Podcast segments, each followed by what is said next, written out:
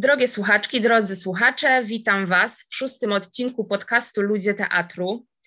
Ja nazywam się Kasia Pongowska i rozmawiam mm, tutaj z osobami, które swoją działalnością e, teatralną wpływają na rzeczywistość. I dzisiaj goszczę Anię Rochowską. Cześć Aniu. Cześć, witam serdecznie. I będziemy rozmawiać o tym, jaki wpływ może mieć pedagogika teatru na instytucje, po co jest w ogóle edukacja teatralna i pedagogika teatru instytucją, w szczególności teatrom. Spotykamy się w dość trudnych okolicznościach dla Ciebie, dlatego że pewnie wiele osób już o tym słyszało, e, że właśnie odchodzisz z TR Warszawa, w którym pracowałaś 26 lat i tworzyłaś e, dział edukacji. Twoje odejście też zapoczątkowało otwarte protesty pracowników. Ale my się dzisiaj nie będziemy na tym skupiać, raczej będziemy się skupiać na Twojej perspektywie, która z, moj z mojej perspektywy z kolei jest niesamowita że w tak długim czasie w jednym miejscu miałaś szansę budować edukację, więc chyba nie ma innej osoby w kraju, która ma taką perspektywę jak ty i może powiedzieć, jak to wpłynęło na, na jedną instytucję. Jak to się w ogóle zaczęło? Jak to się stało, że 26 lat temu ty stworzyłaś dział edukacji teatralnej? Przecież tego jeszcze nigdzie nie było w Polsce. Tak, tak, bardzo chętnie o tych początkach i rzeczywiście wydaje mi się, że ta, ta długa perspektywa jest jest interesująca, bo można, y, y, można prześledzić to albo zobaczyć, co w tej takiej długofalowej pracy daje pedagogika teatru. 26 y, lat pracy w jednej instytucji to jest dużo i też to jest taki czas rzeczywiście, że można mm, spojrzeć na tę instytucję w jej rozwoju, w jej kryzysach, jakichś zmianach. I jeśli chodzi o pedagogikę teatru, to to, to jest krótszy staż niż te 26 lat. Myślę, że takiej, takiego realnego tworzenia mm, działań edukacyjnych e, to, to, to, myślę, że możemy liczyć, e, szybciutko matematycznie policzę. Mm, Daj sobie chwilę. 16 lat. Z tych 26 to, to, to, to 16 lat to już jest takie rzeczywiście tworzenie, e, tworzenie za, zalążków, a potem właśnie działu edukacji, a tak naprawdę właśnie tych działań pedagogiczno-teatralnych. E, więc e, e, jeśli by sięgnąć do początków, to początki są dwojakie. Mhm. Rzeczywiście 26 lat temu jako studentka wiedzy o teatrze trafiłam do Teatru Rozmaitości na Marszałkowską. Trafiłam tam dlatego, ponieważ kochałam teatr Szwedzka 2 przez 4, który się właśnie przeniósł do rozmaitości. I historia jest y, ciekawa i tu jeśli tylko Paula Wyłcan mnie słucha, to, y, to ją bardzo serdecznie z tego miejsca pozdrawiam, ponieważ y, właśnie koleżanka moja z roku poszukiwała pracy i nasz wspólny kolega zadzwonił do mnie, że mi dała telefon do Pauli, bo ona szuka pracy, a właśnie szukają kogoś w Teatrze Rozmaitości. Ja oczywiście ten telefon podałam, ale pomyślałam sobie, że ja też strasznie przecież chcę pracować w Teatrze Rozmaitości, no i tak się świetnie złożyło, że obie zostałyśmy przyjęte e, do tego teatru. I okazało się, że właśnie była ta przestrzeń i ta potrzeba na, e, na teatrolożki e, w teatrze. I od samego początku dyrektor Słoński, który nas przyjmował, uznał, że to, że ma studentki, czy właściwie prawie absolwentki wiedzy o teatrze, to jest świetna okazja, żeby uruchomić działania edukacyjne. Więc, y, więc może rzeczywiście to jest 26 lat, y, chociaż 26 lat edukacji, a nie pedagogiki teatru. Y, I rzeczywiście te początki były takie, że ja po prostu robiłam wykłady dla grup zorganizowanych, które wykupiły bilety, można, mogły przyjść wcześniej i mieć na przykład wykład dotyczący procesu kawki oraz Henryka Baranowskiego, który był reżyserem tego spektaklu. Więc tak się rzeczywiście mm, zaczęło ale po, tak naprawdę ten drugi, ważniejszy początek e, to jest spotkanie z Justyną Sobczyk w Instytucie Teatralnym e, i, e, i dotknięcie pedagogiki teatru z ducha berlińskiej, że tak powiem, szkoły i, i berlińskiego patrzenia na pedagogikę teatru. I pamiętasz, co cię wtedy w tym zafascynowało, że postanowiłaś robić to w TR?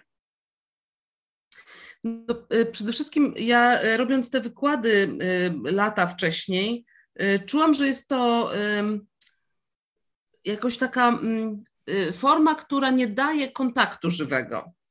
No bo y, dawanie wykładów już w tych pod koniec lat 90., to był rok tam 96, 97, 8, to już był ten czas, kiedy, kiedy wchodził internet w naszą rzeczywistość. Ja miałam takie poczucie, że opowiadanie o kawce jest trochę bezcelowe, czy o kawce, czy o, czy o Fredrze, czy o y, kimkolwiek innym. No bo tak naprawdę młody człowiek zainteresowany znajdzie to sobie bez problemu w internecie. I brakowało mi wtedy, yy, brakowało mi tego takiego żywego kontaktu. W związku z tym zaczęłam przychodzić i prowadzić dyskusje, ale to w dalszym ciągu było nie to. Więc to, co mnie absolutnie zachwyciło w pedagogice teatru, to jest to, że można nie tylko rozmawiać, ale można też działać i z tych działań twórczych może wynikać coś właśnie więcej do rozmowy, czyli to, co, to czego nie umiemy zwerbalizować Y, od razu, nie wiem, jakichś uczuć, odczuć, y, y, jakichś prze, przeświadczeń, których nie umiemy nazwać, ale potrafimy je na przykład pokazać, roz, odtańczyć, nie wiem, oddać właśnie w muzyczności, w ruchu, w, w jakimś działaniu właśnie fizycznym czy wizualnym, takim twórczym. I że to jest właśnie droga do, to, do, do wyrażenia siebie i że potem można o tym rozmawiać. Więc chyba to mnie najbardziej zachwyciło w, w pedagogice. I co potem zaczęłaś robić? Jak, jakie były Twoje pierwsze działania pedagogiczne? No, y, zaczęłam robić warsztaty. Y, warsztaty, gdzie, y, gdzie tak naprawdę kradłam wszystkie możliwe narzędzia, pomysły, jakie tylko udało mi się poznać. Więc pamiętam, że taki miałam głód właśnie studiowania i profesor Małgorzata Dziewulska, z którą byliśmy w wielkiej przyjaźni i ja dla niej robiłam, znaczy dla niej, dla, dla grup licealnych, ale ona zamawiała te wykłady u mnie. Ja tak narzekałam, że to tylko wykłady, że chciałabym coś więcej. I ona mówiła, Ania, tobie nie są potrzebne studia, tobie jest potrzebna praktyka tylko. I ponieważ y, y, Małgorzata Dziewulska, którą też pozdrawiam i kłaniam się jej nisko, jest moją mentorką. Y, w każdym razie tak odczuwam jej wpływ jakoś na mnie E, no że jakby zrozumiałam, że rzeczywiście potrzebna jest praktyka. I taką absolutnie rewelacyjnym wstępem e, do, do, do działań pedagogiczno-teatralnych był roczny kurs e, w Instytucie Teatralnym, który się nazywał TISH Annex, który nam pozwolił w praktyce dowiadywać się, jak to robić, jak, to, jak otwierać ludzi. No, otwieraliśmy się sami. I mieliśmy wtedy spotkania z bardzo różnymi pedagogami, pedagogzkami teatru, E, głównie z kręgu niemieckiego, ale nie tylko. E, no i, i potem długie lata śmialiśmy się na przykład, że prowadzimy warsztaty, że to tam, nie wiem, jakiś warsztat jest ściągnięty od Uty Platę, albo ktoś pracował Hansem Havemanem. No jakby kradliśmy te, te elementy i potem przerabialiśmy je na swoje. Mhm. No i oczywiście podglądaliśmy performerów, bo to jest też jakby działanie pedagogiczno-teatralne jest bardzo performatywne więc tak naprawdę wszystkie, wszystkie działania performatywne z przeszłości, z teraźniejszości też są pożywką do tego, żeby tworzyć działania e, z ducha pedagogiki teatru. Mm. No właśnie też pedagogika teatru zawsze funkcjonuje przy czymś, prawda? Przy, spek- przy spektaklach, przy jakiejś idei, e, wokół mm -hmm. której mhm. się zaczepiamy, więc też e, korzysta zawsze z czegoś. No i co? I wtedy przyszłaś do, po tym tiszu do, y, do dyrekcji teatru i powiedziałaś jakby, że chcesz tutaj tworzyć dział pedagogiki teatru. Jak to się stało, że to się przekształciło jednak w dział edukacji, którym ty mhm. kierowałaś? To była bardzo długa droga i niełatwa, bo ja jeszcze w międzyczasie zrobiłam studia, podyplomowe studia dla menadżerów kultury na tych studiach trzeba było napisać pracę dyplomową i moja praca dyplomowa była właśnie takim projektem całościowego ujęcia działań edukacyjnych dla TR Warszawa. I ja z tym dokumentem poszłam do dyrektora Jarzyny i usłyszałam od Grzegorza, że powiedział, no, no jak musisz, to rób. W sensie jakby była to taka, nie był to może zachwyt, ale była to taka no, aprobata, że jakby no, no okej, okay, jakby masz taki pomysł, możesz to robić. W sensie jakby chyba nic złego się za tym nie, nie ciągnęło, może coś dobrego, no. Powiedział mi tylko, że tylko pamiętaj, nie dostaniesz na to pieniędzy, musisz sobie je znaleźć sama. I też mm-hmm, wzięłam to na serio. Tak. No wiadomo, że pedagodzy teatru bywają też świetnymi fundraiserami, no bo po prostu wiedzą, wiedzą na co szukają pieniędzy, co jest najbardziej istotne, w związku z tym bardzo zazwyczaj dobrze piszą projekty. I rzeczywiście te ostatnie 15 lat to jest, to jest zdobywanie grantów, realizowanie grantów, potem je rozliczanie, czyli całe, całe kompendium działań. Ciekawi mnie bardzo, jak e, reagował zespół na początku, zespół teatru na Twoje pomysły i Twoje działania. Czy wyszli z jakimś takim zrozumieniem, aprobatą, czy miałaś e, problemy i spotykałaś się z jakimiś nieprzyjemnymi sytuacjami, bądź po prostu niezrozumieniem dla takich działań edukacyjno-pedagogicznych?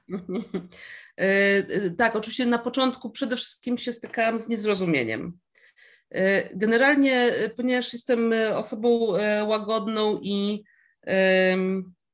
i, i lubię ten zespół i, i, ludzi w ogóle, e, więc jakby nie, nie spotykałam się z, z jakimiś złymi reakcjami. Natomiast był taki pewien poziom niezrozumienia.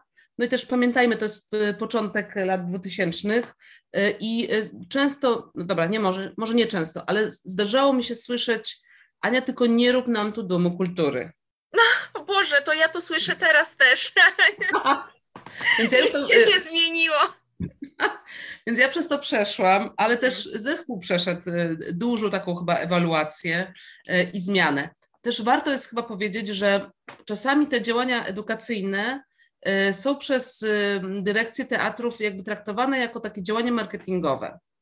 I rzeczywiście taka była myśl dyrektora Słońskiego w 1996 roku.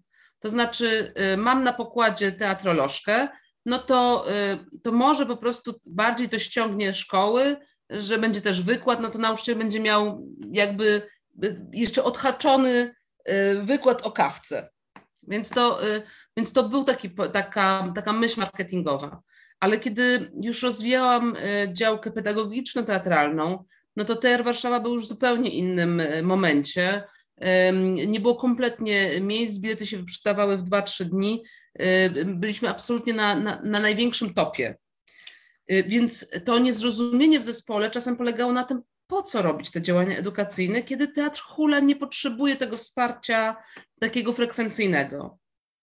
Ja pamiętam, że, y, że tłumaczyłam i też jakby tłumaczyłam zespołowi, ludziom właśnie, którym, no nie wiem, wydłużam dzień pracy na przykład albo a, nie, no po co to? No to tłumaczyłam, że to jest, to jest praca po to, żeby ci młodzi ludzie, którzy na przykład dopiero poznają teatr, nie przestraszyli się go, bo on jest trudny i na przykład zechcieli e, przyjść już samodzielnie e, do teatru za 2, 5, 7 lat. Że tak naprawdę wychowujemy sobie teraz widza tego, tego przyszłego widza, który zechce przyjść albo będzie wiedział, dlaczego nie chce przyjść. Czyli będzie miał taką świadomość, że coś mu pasuje, a coś mu nie pasuje bo też to jest y, bardzo ważne. Ja oczywiście pracując y, w, w TR-ze y, kocham ten zespół, kocham te, te teatry, te spektakle. Są dla mnie jakoś kosmicznie ważne, także też życiowo. Więc ja jestem absolutnie gdzieś tam na. Wiem, że mogę nie być obiektywna jako pracownik teatru, zakochany w tym miejscu. No ale też, no wiadomo, jako pedagodzy teatru staramy się jakby widzieć tą swoją perspektywę, trochę jak antropolog w, tele, w terenie, czyli widzieć y, swoje uwarunkowanie i otwierać się na, na tego innego, który może mieć inaczej. Hmm. Więc też bardzo często po prostu prowokujemy ludzi do, do mówienia. Y, rzeczywiście mówiąc, y, po, porozmawiajmy o tych odczuciach, które mamy. Możemy mieć je różne i może ten spektakl czy ten teatr budzić opór. I wtedy możemy rozmawiać o tym, dlaczego. I wtedy pedagogika teatru jest rozmową nie o tym, dlaczego teatr jest taki fantastyczny i dlaczego e, kochamy e, Słowackiego, bo był wielkim poetą, tylko po prostu porozmawiajmy o tym, co jest sednem, co nas denerwuje, co nas dotyka, czyli tak naprawdę rozmową o sobie. Mm. To mm, powiedziałaś teraz po co, dlaczego zaczęłaś to robić, a te cele, y, było coś jeszcze, albo jeszcze to jedno pytanie, czy to był jedyny mm. twój cel, czy miałaś coś jeszcze, I też, czy te cele się zmieniały w trakcie tej Twojej pracy? Jak myślałaś na początku, z biegiem lat i jak teraz myślisz o tej pedagogice teatru, po co ona jest w teatrach? E, właściwie cel chyba się, mam wrażenie, że mi się nie zmienił. To znaczy, mam takie poczucie, że, że rzeczywiście pedagogika teatru w instytucji kultury jest po to, żeby, żeby widz mógł też e, twórczo się wyrażać i rozmawiać, co, co sztuka z nim robi. I, i to, jeśli się nie mylę, bo oczywiście ym, mogę też konfabulować, ale wydaje mi się, że, że to miałam od początku, tę świadomość. Natomiast oczywiście przez lata bardzo się mm, zmieniały metody docierania do, do odbiorców. Też jakby też y, patrzenie, kto, y, kto tego, tego spotkania potrzebuje, bo też widownia się zmienia. Tak jak się spektakle zmieniają, tak też nasi widzowie się zmieniają. Zmieniają się grupy, są pewne mody, mody odchodzą, przychodzą inne grupy. E, więc zmienia się przez lata e, to, z kim pracujemy i w związku z tym, jak do niego docieramy i, i nad czym pracujemy. To to się rzeczywiście przez lata zmienia. Mhm. E, to też w pewnym momencie bardzo mocno skupiłaś się, jeśli się nie mylę, na dostępności działań. To też to jest twój mhm. taki czy ty na to patrzysz jako jak drugi kawałek swojej pracy, czy dla ciebie to jest po prostu również sedno pedagogiki teatru? To jest bardzo dobre pytanie, bo to jest tak, że ja yy, w ogóle wydaje mi się, że dostępność yy, naturalnie jest spleciona z pedagogiką teatru, no bo co my robimy w pedagogice teatru? No właśnie spotykamy się z tym innym, spotykamy się z widzem, którego nie chcemy nauczać, tylko chcemy go zapytać się, jak on odbiera y, świat sztuki, co jest dla niego ważne. Czyli praca tak naprawdę nad, dostęp, nad dostępnością sztuki jest też rozmową z tym innym, czy to będzie osoba z niepełnosprawnością wzroku, y, czy słuchu, y, czy o alternatywnej motoryce, czy z niepełnosprawnością intelektualną, czy w spektrum autyzmu, czy jeszcze jakby jeszcze inny, inny, no to to jest ta rozmowa o tym, jak odbierasz sztukę, czego potrzebujesz, no i jakby, jakby zadbanie o dostępność jest w ogóle taką bazą, dzięki której możemy na, na równych prawach rozmawiać. No bo mm. jakby musimy dostarczyć te, umożliwić y, odbieranie sztuki, a i tak bardzo jesteśmy ciekawi, jak ją odbieramy, bo odbieramy ją inaczej. Tak. Y, I stąd na przykład dla mnie bardzo jest ciekawe, bo ja zaczęłam pracować z dostępnością 11 lat temu Mm, I wtedy mi się wydawało, to było takie odkrycie, audiodeskrypcja, pisanie audiodeskrypcji. W ogóle wyobrażałam sobie, że to jest praca dla, mm, dla y, teatrologa absolutnie fantastyczna, no bo po prostu opisujesz świat. Y, za moich lat studiowania, czyli w latach 90., y, bardzo takim silnym nurtem były opisy spektaklu, które się ukazywały w dialogu. I no, myśmy tym żyli. Jak dobrze opisać spektakl więc ja przez jakiś moment, taki pierwszy moment styku z audiodeskrypcją, myślałam, że to jest właśnie to, to jest to spełnienie teatrologa, który może opisać. A potem się okazało, i to w latach, i im bardziej, e, im częściej piszę sama audiodeskrypcję, tym to widzę wyraźniej, jak to jest, jak to jest błędne, bo osobom z niepełnosprawnością wzroku nie jest potrzebny mój opis widzenia świata, bo on sobie stworzy własny. E, ja mam mu dostarczyć tylko tych elementów, które mu pozwolą e, być może lepiej zrozumieć tą sztukę, tak jak ją wymyślił reżyser, a może tylko dodać jakieś naprawdę najdrobniejsze elementy. Więc dla mnie to jest taka droga też e, bardzo ważna, jeśli chodzi o pedagogikę teatru, czyli taka, taka świadomość i takie uskromnienie się. Znaczy, w sensie, że tak mi się wydawało, że jako ten teatrolog będę zbawiać osoby z niepełnosprawnością wzroku, a im bardziej poznaję ten świat i, i mam coraz więcej znajomych i przyjaciół, to widzę, że to po prostu my inaczej odbieramy świat, ale to nie znaczy, że im czegoś brakuje. Hmm. To e, niesamowita przygoda. Mi to też jakoś e, przywołuje e, od razu e, na myśl takie wycofywanie się i oddawanie pola no i tak jak, też taką świadomość, że to nie my jako no, twórcy, pedagodzy jesteśmy najważniejsi, mm-hmm. no, gdzie jakoś ta pedagogika, no tak w, moi, w moim odczuciu stoi właśnie z kolei w tym kawałku mm, na drugiej jej szali mm, z teatrem, ze, spektak- ze spektaklami, że ona się oddaje tym y, widzom mm-hmm. y, w całości. Aj, Aniu, dobra, no to y, okej, okay, przeszłyśmy przez jakąś taką, nie wiem, mam wrażenie, skrótowo mhm. przez tę Twoją drogę, no to teraz jesteśmy w punkcie dzisiejszym. Jak Ty w mhm. ogóle patrzysz z dnia dzisiejszego na to wszystko, co zadziało się w związku z edukacją, z pedagogiką teatru w, w TR Warszawa? Jak się zmieniał y, y, teatr mm, poprzez Twoje działania? Czy TR, jaki byłby w ogóle TR, gdyby Ciebie tam nie było? To jest bardzo trudne pytanie i myślę, że będzie mi łatwiej odpowiedzieć e, z dystansu, być może za rok. Natomiast e, myślę sobie, że to, co e, może bardziej w ogóle pedagogika teatru może dać instytucji, na przykładzie TR Warszawa i, i moim, to myślę sobie, że taki, taki zwrot ku, widzowi. On jest w tej chwili bardzo bardzo w humanistyce widoczny. Po zwrotach performatywnych, e, po zwrotach politycznych. To jest ten zwrot edukacyjny, czy ja bym wolała go nie nazywać edukacyjnym, chociaż e, w, w, w numerze kultury współczesnej tak został on nazwany jako zwrot edukacyjny. Ja bym chyba wolała nazywać go zwrotem ku widzowi, czy, czy ku odbiorcy w ogóle no bo to jakby jest szerzej w ogóle, w, prawda, nie, nie tylko dotyczy teatru, ale również na przykład muzeów.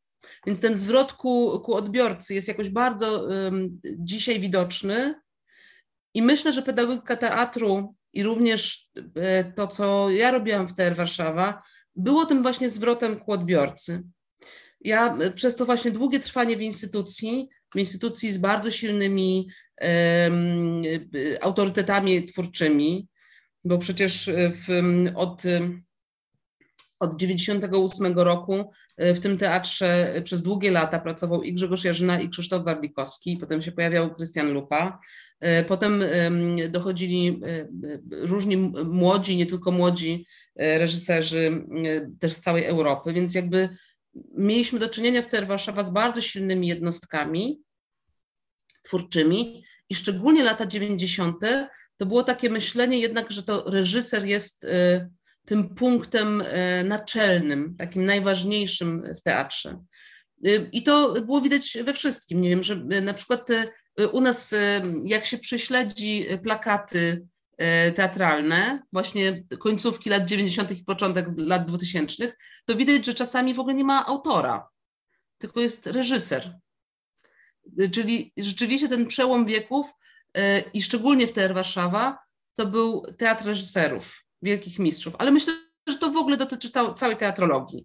Jakiegoś takiego, a teraz żyjemy ten właśnie, y, to nasze y, ostatnie lata, żyjemy w bardzo silnym przesileniu, e, przesileniu właśnie w kierunku pracy zespołowej, docenienia zespołu, e, pracy grupowej, na to, takiej, i to też znowu widać również w plakatach, Czyli mamy mm, y, oprócz autora, reżysera, mamy dramaturga, autora muzyki, autora choreografii, i to wypływa też już od samych reżyserów, głównie młodszego pokolenia. Ta potrzeba, żeby, y, żeby podnieść do, do wyższej rangi właśnie pracę zespołową, czyli to, że jesteśmy zespołem. I mam wrażenie, i teraz nie chcę, y, nie chciałabym przesadzić, ale wydaje mi się, że pedagogika teatru i także moja praca w TR Warszawa także się do tego przyczyniła. A być, czy to jest tak, nie chcę powiedzieć właśnie, nie chcę powiedzieć, że to jest, e, że to pedagogika teatru zrobiła to, że widzimy demokratycznie, że jest nas więcej.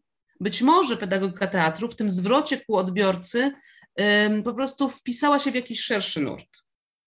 I na pewno w tym nurcie jesteśmy i myślę, że być może właśnie to też pedagogika teatru daje, daje instytucji. Coraz więcej młodych reżyserów, reżyserów młodego pokolenia e, wie już o tym, czym jest pedagogika teatru i często się odwołują do pracy właśnie pedagogów. I to nie tylko, nie tylko w pracy z grupami młodzieży, bo tu to jest absolutnie naturalne i tu przykładem jest, nie wiem, chociażby z ostatniego sezonu premiera Michała Borczucha Przemiany w Teatrze Studio w Warszawie, czy autokorekta w reżyserii Skrzywanka w TR Warszawa. No a przecież w całej Polsce mamy mnóstwo takich przykładów, gdzie rzeczywiście ta praca, że właśnie reżyser nie tylko prosi jakby o, o pomoc, tak jak zawsze, muzyka, choreografa, no nie wiem, dramaturga, ale właśnie pojawiają się jeszcze eksperci w różnych dziedzinach, między innymi pedagodzy teatru też. Hmm. No i też e, zaczyna się teraz powoli taki e, ruch, e, trend, żeby w ogóle prosić, zapraszać osoby, których dotyczy dany temat jako mhm. konsultantów, czyli tak. młodzież, nie wiem, osoby z niepełnosprawnościami, aby one mogły jakby spojrzeć na tekst czy na spektakl i zobaczyć, czy jakby faktycznie to jest oddanie ich perspektywy, nie, czy to nie jest mhm. powielanie pewnych stereotypów i tak dalej, i tak dalej. Tak, tak. To jest rzeczywiście bardzo jakaś, e, mam wrażenie, silna zmiana.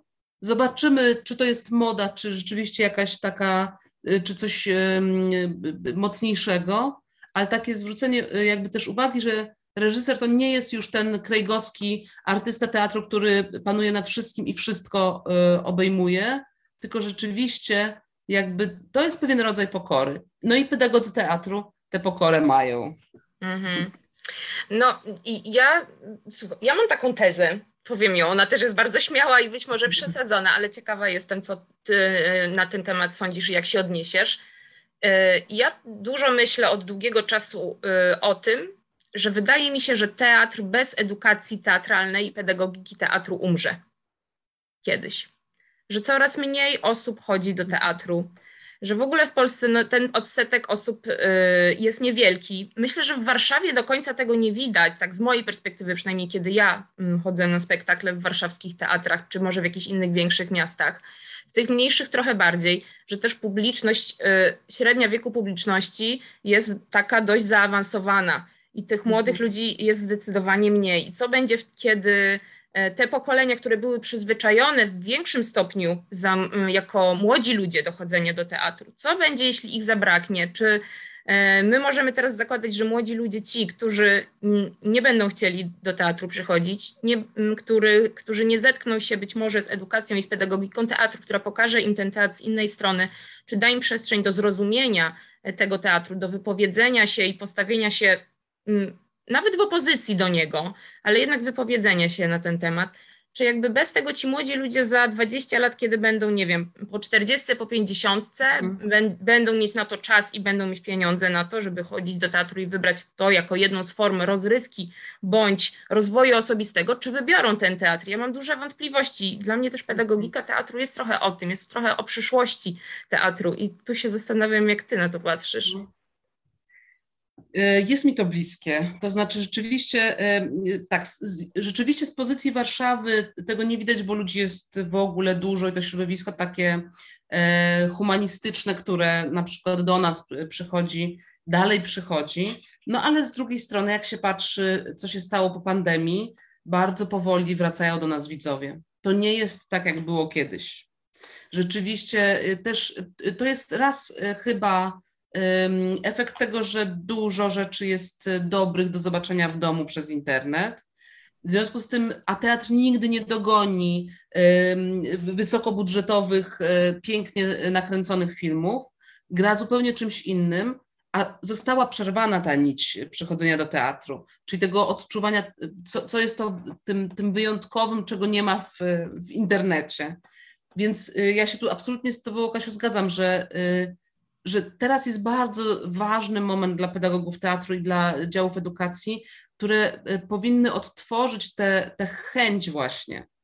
I, I to już nie, jakby nie tak, że to zobaczcie, bo to jest coś pięknego, tylko właśnie poprzez te działania pedagogiczne, teatralne, że teatr może być miejscem spotkania, spotkania e, ze sztuką, ale też spotkania ze sobą samym, jakby takim momentem, kiedy można, można rozpracować to, kim jesteśmy, Y, dla, dlaczego i po co tworzymy. To takim dobrym przykładem może być, mogą być warsztaty, które mm, przeprowadziliśmy w maju przyjechała do nas grupa z Katowic, grupa licealistów, którzy musieli wyjechać, bo były matury i nauczyciel mądry, że tak powiem, i, no i sam lubiący teatr postanowił, żeby to była wycieczka teatralna i między innymi umówiliśmy się na 6 godzin pracy wokół spektaklu Autokorekta.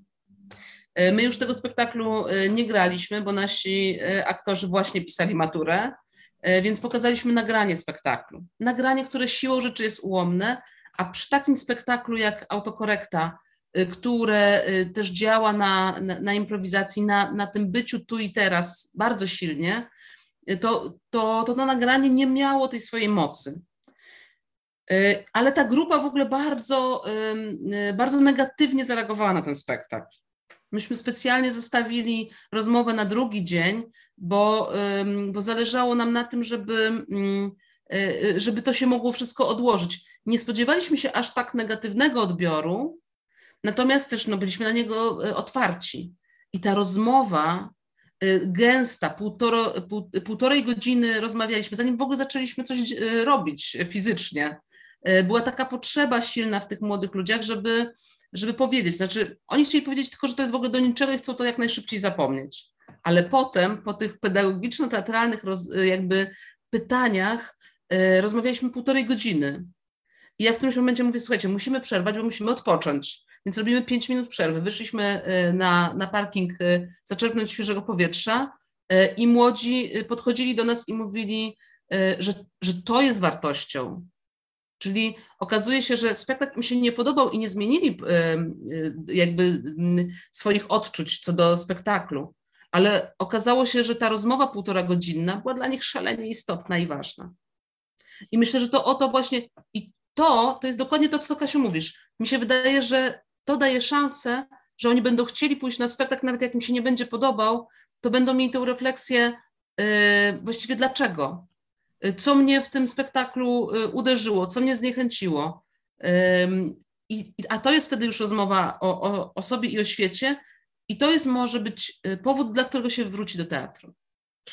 Dużą wartością też wydaje mi się y, przyzwolenie młodym ludziom na to, że może się nie podobać. Znaczy ja obserwuję coś mm. takiego, że mm, nie wiem co to robi, czy szkoła, czy po prostu jakby mm, teatr jako instytucja jest zdarzony przez młode osoby jakimś takim bardzo dużym e, mm, e, bardzo dużym szacunkiem, e, jakimś kredytem zaufania, że często obserwuję, że właśnie bardzo trudno jest powiedzieć, że się nie podobało albo że coś tam nie gra.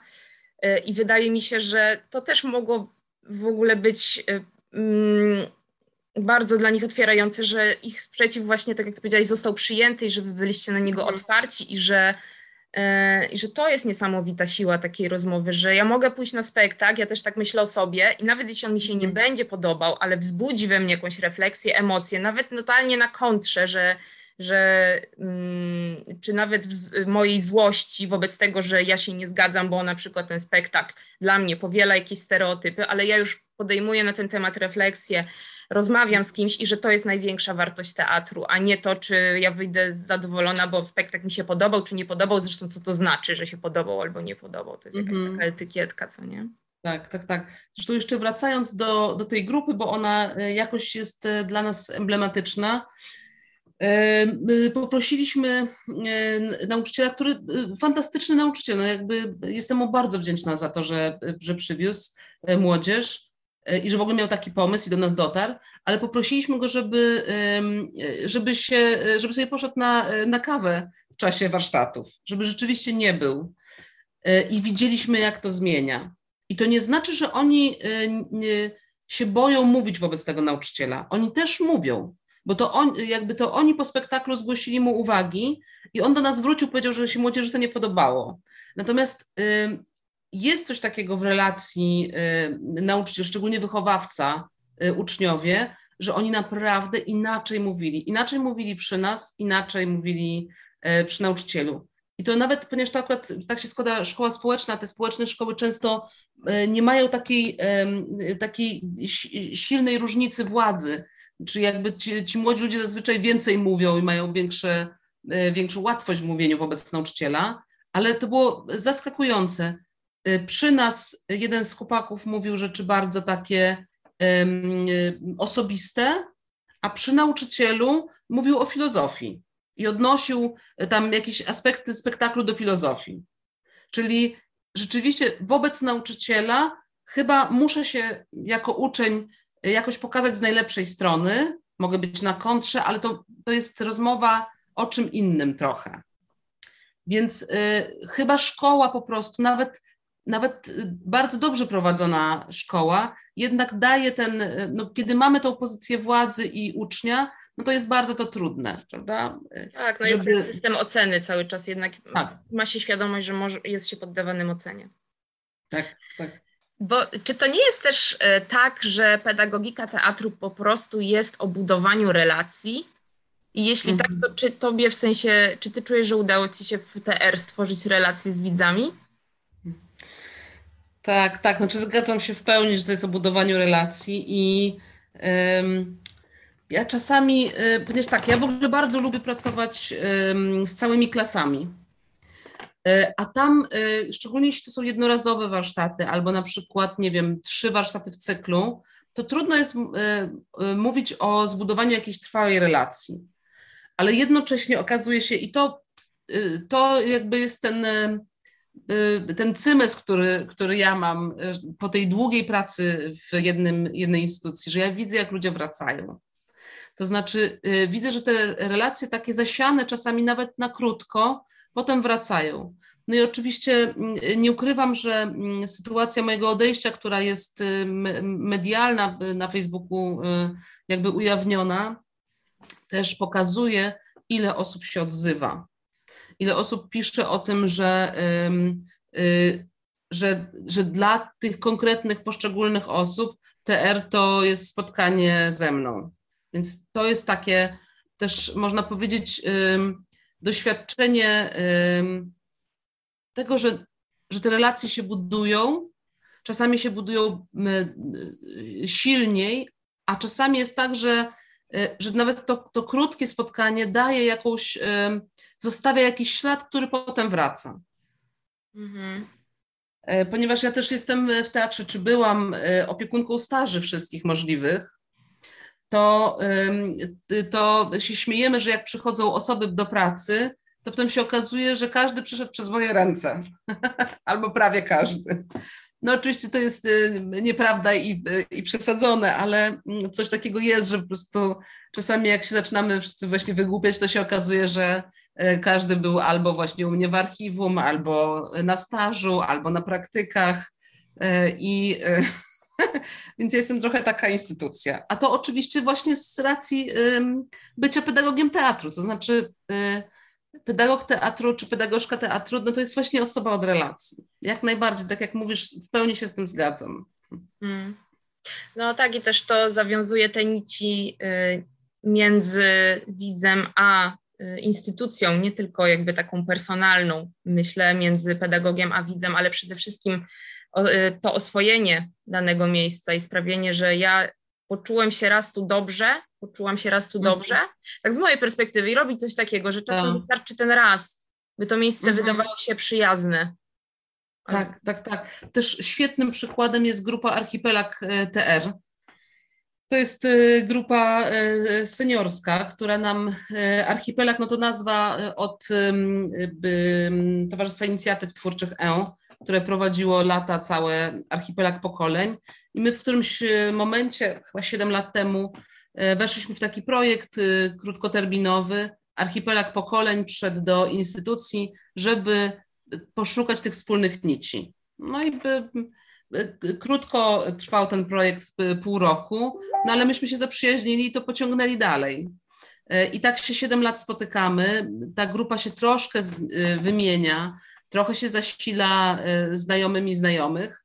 Natomiast ten trzon rzeczywiście jest i funkcjonuje.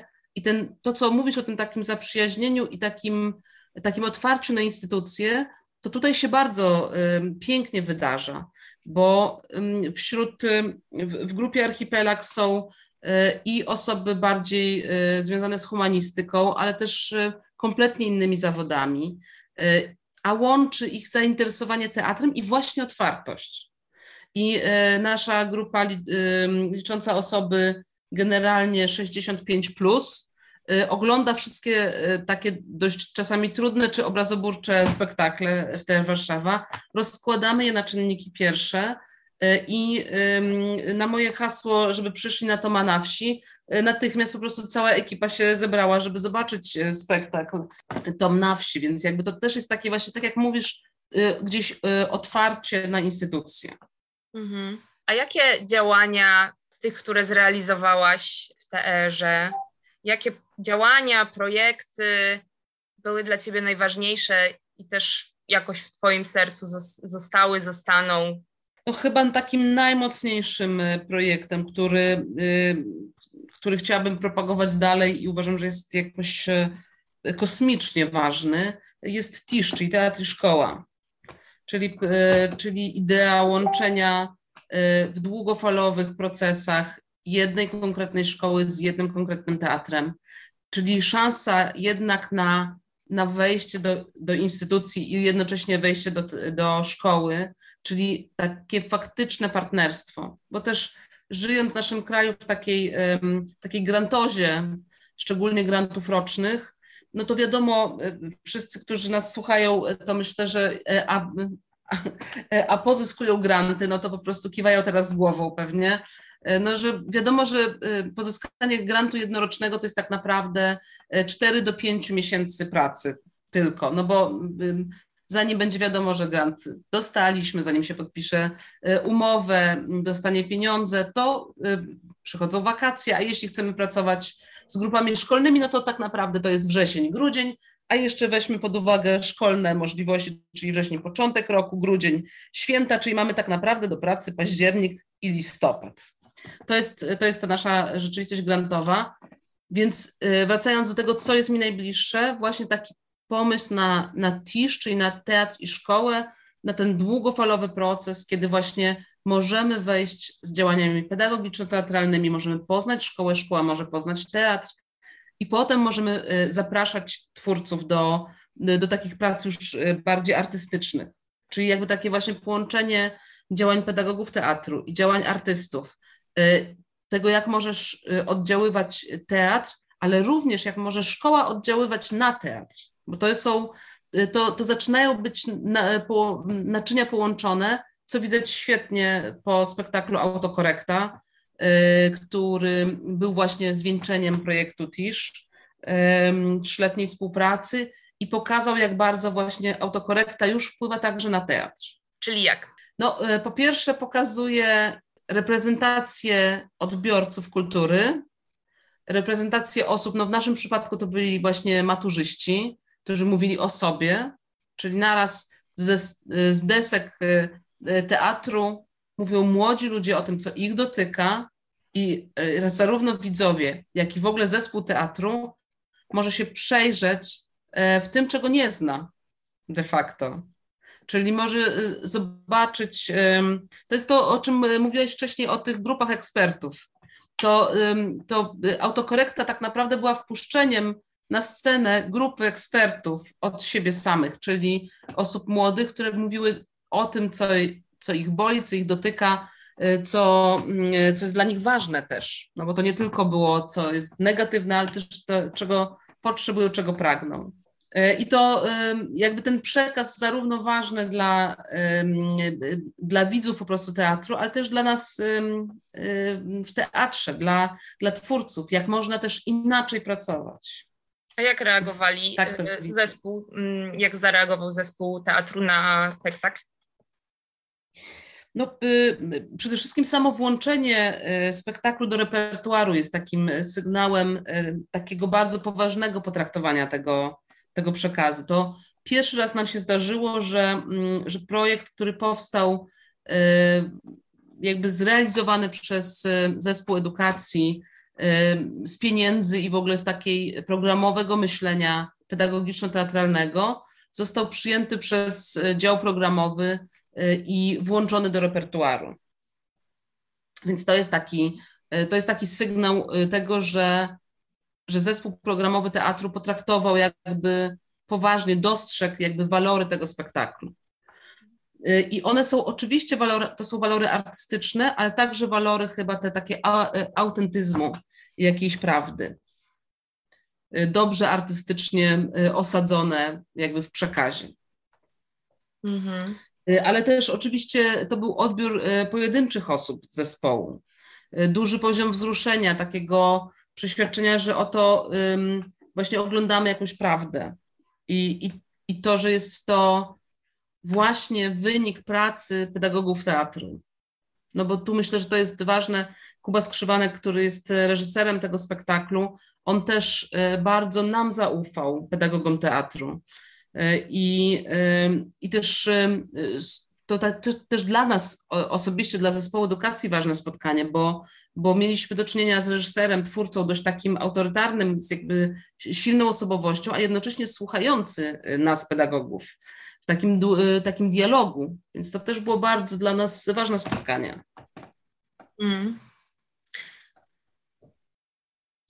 E, myśl, chciałabym jeszcze teraz wrócić do tego tematu mm, odbierania przez zespół działań edukacyjnych. Zaczęłaś od, zaczęłyśmy od tego, że na samych początkach y, mm, spotyk mm, spotykałaś się z pewnym rodzajem niezrozumienia, e, ale jak rozumiem, to się zmieniło. Też teraz, no, czytając y, mm, wywiady czy słuchając y, audycji, w których wypowiadają się aktorzy TR Warszawa, bardzo pozytywnie wypowiadają się o, to nawet mało powiedziane, bardzo pozytywnie wypowiadają się o Twojej pracy, w sensie wręcz no, traktują to jako jeden z nierozłącznych już czynników pracy teatru, jak, nie wiem, praca ich, praca reżyserów, praca pracowni y, technicznych, praca, nie wiem, obsługi widowni, promocji i tak dalej, że po prostu bez edukacji ten teatr nie istnieje. Jak ty w ogóle obserwowałaś te zmiany w nastawieniu? Jak, jak widzisz ją teraz? Właściwie mam wrażenie, że to się szybko, bardzo szybko zmieniło na pozytywnie. I w momencie, kiedy, mm, kiedy wciągaliśmy aktorów, nie wiem, zapraszaliśmy aktorów do, y, y, do spotkań, do, do rozmowy, i jakby w momencie, kiedy zespół teatru zobaczył, jak partnersko traktujemy wszyscy siebie nawzajem, to to, to spojrzenie na, na działania edukacyjne i na pedagogikę teatru bardzo się mm, szybko zmieniło na pozytywnie. Czyli jakby tak dostrzeżono, że to jest walor dla teatru, bo właśnie nie stawia kogoś wyżej, kogoś niżej, tylko pokazuje, że jesteśmy pewną wspólnotą. To jest też oczywiście dla nas wszystkich jasne, że, y, że widownia zasila energetycznie scenę, a scena zasila energetycznie widownię. To jest ta słynna e, Eryki Fischer-Lichte autopoetyczna pętla feedbacku, czyli to, co się rzeczywiście wymienia pomiędzy sceną i widownią. Mm, I, i to takie demokratyczne, równościowe podejście do, e, do tego, co się dzieje w teatrze, jest też dla zespołu bardzo ważne i cenne. No a też nie, nie ukrywam, że nasz repertuar jest dość trudny. E, często, często niezrozumiały dla widza, który nie jest do tego przygotowany. Więc nasz zespół, czy to aktorski, czy zespół pozaaktorski, też widzi w pedagogice teatru właśnie szansę na to takie nieodgórne, ale jednak wprowadzenie do, do tej sztuki, czyli jakby ułatwienie odbiorcy kontakt z dziełem żeby teatr nie był tylko dla hipsterów. Mm, słuchaj. Tak, tak, tak, oczywiście. Tak. Na koniec mam jeszcze jedno pytanie, no bo mówiłaś o tym, jak teatr y, wpłynął, jak edukacja wpłynęła na teatr, jak wpłynęła na zespół, jak wpłynęła na być może na widzów. A jak wpłynęła na ciebie? Jak te kilkanaście lat pracy edukacyjnej wpłynęło na ciebie, zmieniło ciebie? No bardzo, znaczy ta praca mnie tak naprawdę ukształtowała całkowicie. E, ja mam chyba inklinację właśnie do, czy, czy kocham w ogóle być w kontakcie z ludźmi, słuchać ich. I bardzo dużo czerpię e, z kontaktu z ludźmi.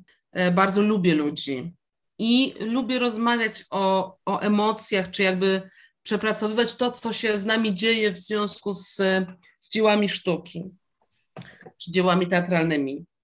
Więc mnie na pewno ukształtowało, dało mi też chyba większą świadomość tego, że jesteśmy różni e, i chyba mnie po prostu otworzyło w ogóle na, na inność. Więc e, ja osobiście czuję się przez te lata bardzo ubogacona tymi wszystkimi spotkaniami, które mi się zdarzyły w życiu. Aniu, życzę Ci, żebyś teraz znalazła swoją nową drogę i żebyś dalej mm, tworzyła tą pedagogikę, bo ja zawsze, kiedy myślę o pedagogice teatru, to zawsze y, myślę też o Tobie, więc wszystkiego dobrego dla Ciebie i bardzo Ci dziękuję za tę rozmowę dzisiaj.